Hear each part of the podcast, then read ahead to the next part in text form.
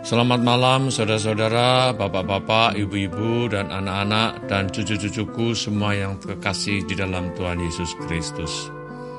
Bersama ini kami keluarga Robert Maria Hati Sugiharjo dari kelompok Rahmat Timur Yadabe.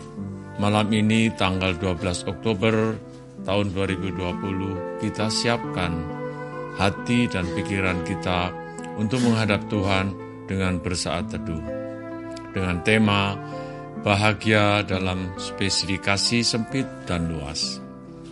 Mari kita bersaat teduh.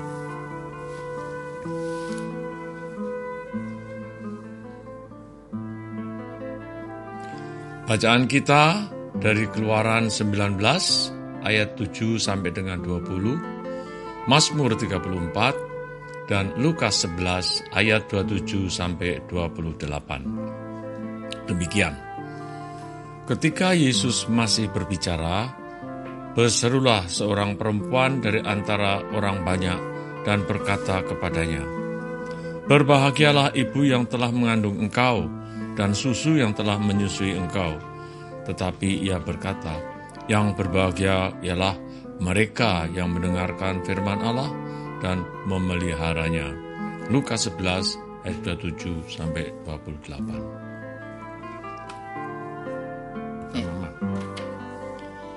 Perikop bacaan Alkitab kita malam ini pendek, akan tetapi mengandung pemahaman yang luas dan kaya makna. Pokok dalam perikop ini adalah tentang berbahagia, adalah berpandangan sempit tentang berbahagia ketika seorang ibu berseru di tengah-tengah banyak orang. Berbahagialah ibu yang mengandung engkau atau Yesus dan menyusuinya Lukas 11 ayat 27. Yesus tidak menolak pandangan itu. Kebahagiaan seorang ibu yang memiliki atau melahirkan seorang anak yang mengangkat derajat orang tuanya, seorang anak yang orang Jawa bilang mikul dur mendem jeruk. Tetapi Tuhan Yesus segera menanggapi dan membawa pada pemahaman atau pandangan yang lebih luas dan tepat, yaitu agar orang tidak lalu berpikir, "Wah, laki-laki tidak atau kurang berbahagia dong." Perempuan yang tidak melahirkannya, apakah juga tidak bisa berbahagia?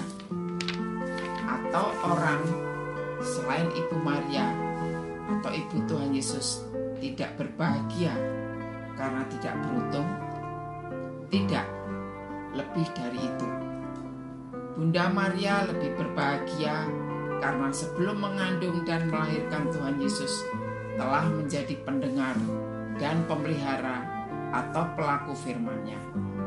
Seperti tanggapan orang Israel menanggapi firman Tuhan yang disampaikan Musa, Keluaran 19 ayat 8 Maria telah begitu sabar dalam pergumulan tetap setia pada Allah dalam suka dan duka bersama Yusuf suaminya di dalam mendampingi Yesus dan anak-anak lainnya. Ia pegang firman-Nya. Ia pelihara firman-firman-Nya mendasari hidup yang harus dijalani ini. Maka Tuhan Yesus menekankan, yang berbahagialah ialah mereka yang mendengarkan firman Allah dan yang memeliharanya. Lukas 11 ayat 28. Sehingga semua orang bisa berbahagia, bahkan lebih berbahagia jika menjadi pelaku firman-Nya. Hal itu mengingatkan saya pada seorang penyair, novelis, dan dramatis Prancis terkenal, Victor Hugo pada tahun 1831 hingga 1862.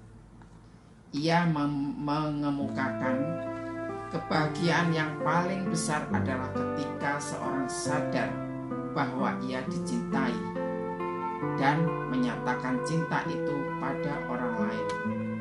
Maksudnya adalah bahwa seseorang akan sangat berbahagia atau jauh lebih berbahagia ketika ia berbuat membagikan cinta kasih itu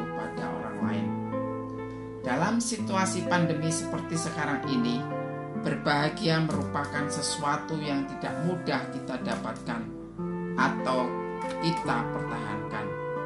Bahkan banyak orang mengatakan seperti barang langka. Di mana wabah atau pandemi tidak mudah segera kita lewati. Ketika kebutuhan hidup tidak mudah kita penuhi dan permasalahan tidak gampang segera kita selesaikan. Namun, sungguh kita pantas bersyukur. Tuhan berkenan menerangi dan menolong kita menyikapi hal itu. Pertama, melalui vektor Hugo menginspirasi kita untuk menyadari bahwa Tuhan telah lebih dahulu mengasihi kita dan mendorong untuk menyatakan itu dalam hidup yang berbagi pada orang lain. Kedua, demikian juga firman Tuhan pada malam ini, justru kita akan menjadi lebih berbahagia ketika kita memelihara melakukan firman-Nya lebih dari sekedar menyusui sebagai seorang ibu. Mari terus berbagi dan tetaplah menjadi pelaku firman-Nya. Tuhan memberkati. Amin. Mari kita berdoa syafaat dengan diawali dengan doa Bapa kami. Bapa kami yang ada di surga, dikuduskanlah namamu, datanglah kerajaanmu, jadilah kehendakmu di bumi seperti di surga. Berilah kami pada hari ini makanan kami yang secukupnya, dan ampunilah kesalahan kami seperti kami pun mengampuni yang bersalah kepada kami. Dan janganlah bawa kami ke dalam pencobaan, melainkan lepaskanlah kami dari yang jahat. Karena engkaulah yang ampunya kerajaan, dan kuasa, dan kemuliaan sampai selama-lamanya. Mari kita berdoa syafaat. Puji dan syukur kami panjatkan kepadamu, ya Allah. Engkau senantiasa menyatakan pemeliharaanmu atas kami. Engkau tidak membiarkan kami dalam ketidakberdayaan, lemah, dan melangkah tanpa arah, mengelola hidup tanpa dasar pegang dan pegangan yang menguatkan. Terlebih dalam kami menghadapi pandemi ini. Engkau tidak membiarkan kami kehilangan pengharapan, kehilangan cara mempertahankan sukacita dan kebahagiaan. Engkau tidak membiarkan kami berpandangan sempit, apalagi dalam ketidaksadaran akan cinta kasih yang senantiasa Tuhan karuniakan. Engkau menuntun kami, Engkau mengangkat kami untuk menjadi pelaku firman-Mu. Tuhan juga senantiasa menemani untuk kami terus berbagi, melangkah kepada kehidupan yang lebih berbahagia serta bertumbuh dan bertambah dalam imunitas diri. Mampukan kami dalam pernyataan-Mu ya Allah. Tuhan, dengar dan kabulkanlah doa kami. Ya. Ya Tuhan, Mampukanlah kami menjadi pelaku firman-Mu dalam pelayanan, dalam persekutuan di tengah-tengah keluarga dan orang-orang percaya, serta dalam kebersamaan umat-Mu, masyarakat di negeri ini. Kebersamaan yang serat dengan berbagai perbedaan, permasalahan, serta kepentingan. Keadaan tersebut sering kurang kami sadari, bahkan kadang memancing kami dalam konflik, langkah emosional, dan egois yang justru mengikis kebahagiaan darimu.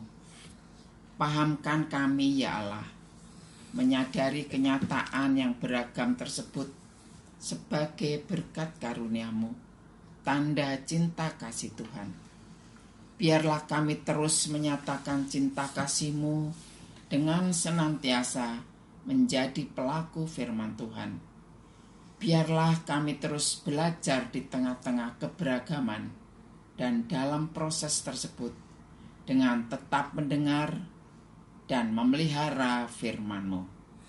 Dalam pengasihan-Mu, kami mohon.